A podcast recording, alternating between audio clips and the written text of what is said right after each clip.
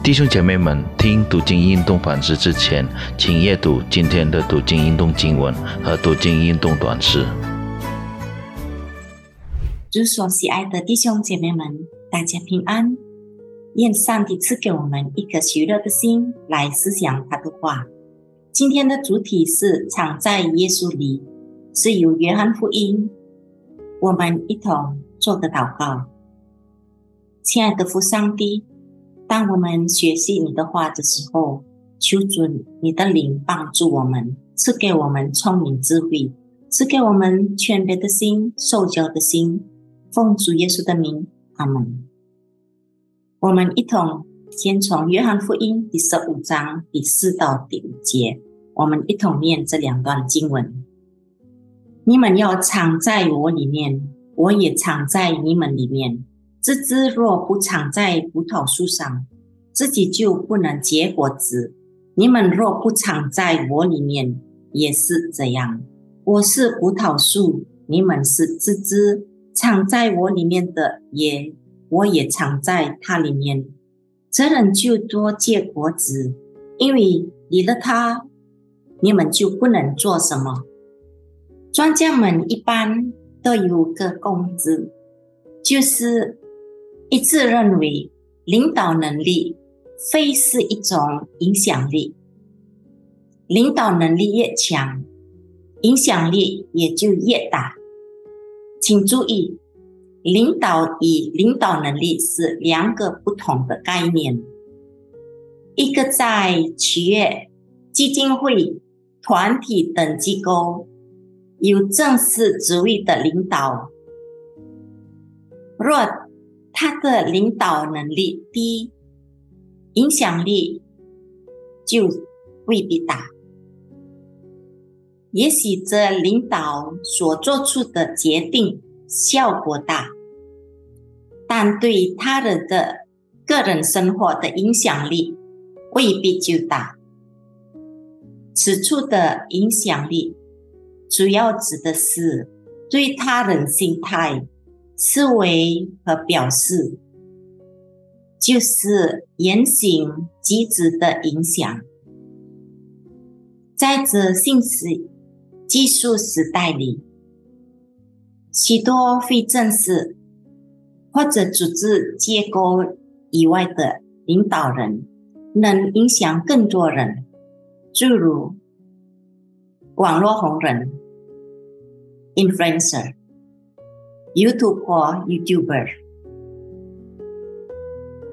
视频博客创作者 Vlogger，便是其中数例。加入领导能力等于影响力，那么每个人一定具有领导的权利，无论这人知不知道。这话怎么说呢？原来。每个人的存在，多多少少都会影响周遭的其他人。有注意到吗？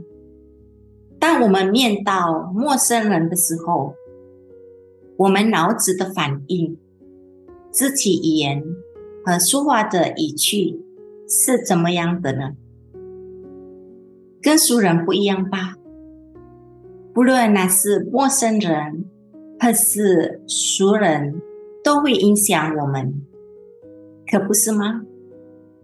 不妨再想象一下，假如别人对我们的影响含有数，我们当中的大多数人一定想避开些度，以以免受其害，影响我们心灵的健康。反之，假如那印象是促进成长的，我们就会愿意接受，甚至主动去寻求。由此可见，培养正确、健全的领导能力是何等重要。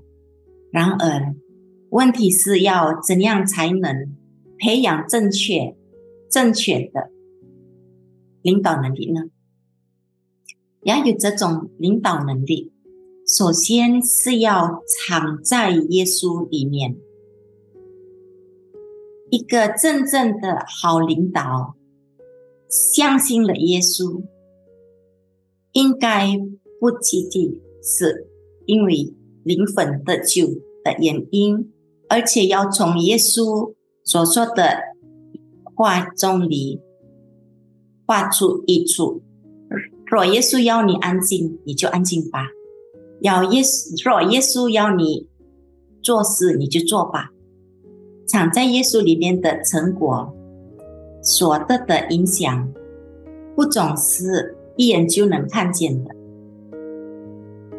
但你要相信，当上帝的时刻到了，就会结出累累果实，会有一个或者几个或者很多人，因为正确。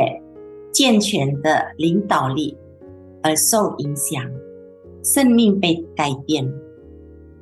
身为一个领导，你已经真正的藏在耶稣里面吗？他人会因你的领导而受到怎么的影响呢？是好的，是坏的，是健全的，还是含有度数的？求上帝帮助我们，我们。做个祷告，求上帝帮助我们。亲爱的父上帝，当我们思想你的话语，求主你帮助我们，常常体会到成为你的儿女，必须时时刻刻在你里面。求你帮助我们，借着你的话语来塑造我们，塑造我们的心怀意念，好叫我们的生命。所发出的影响能力，能使在我们周围的人增长。求主你帮助我们成为一个讨你喜悦的儿女。我们将祷告奉主耶稣的名求，阿门。愿上帝祝福大家。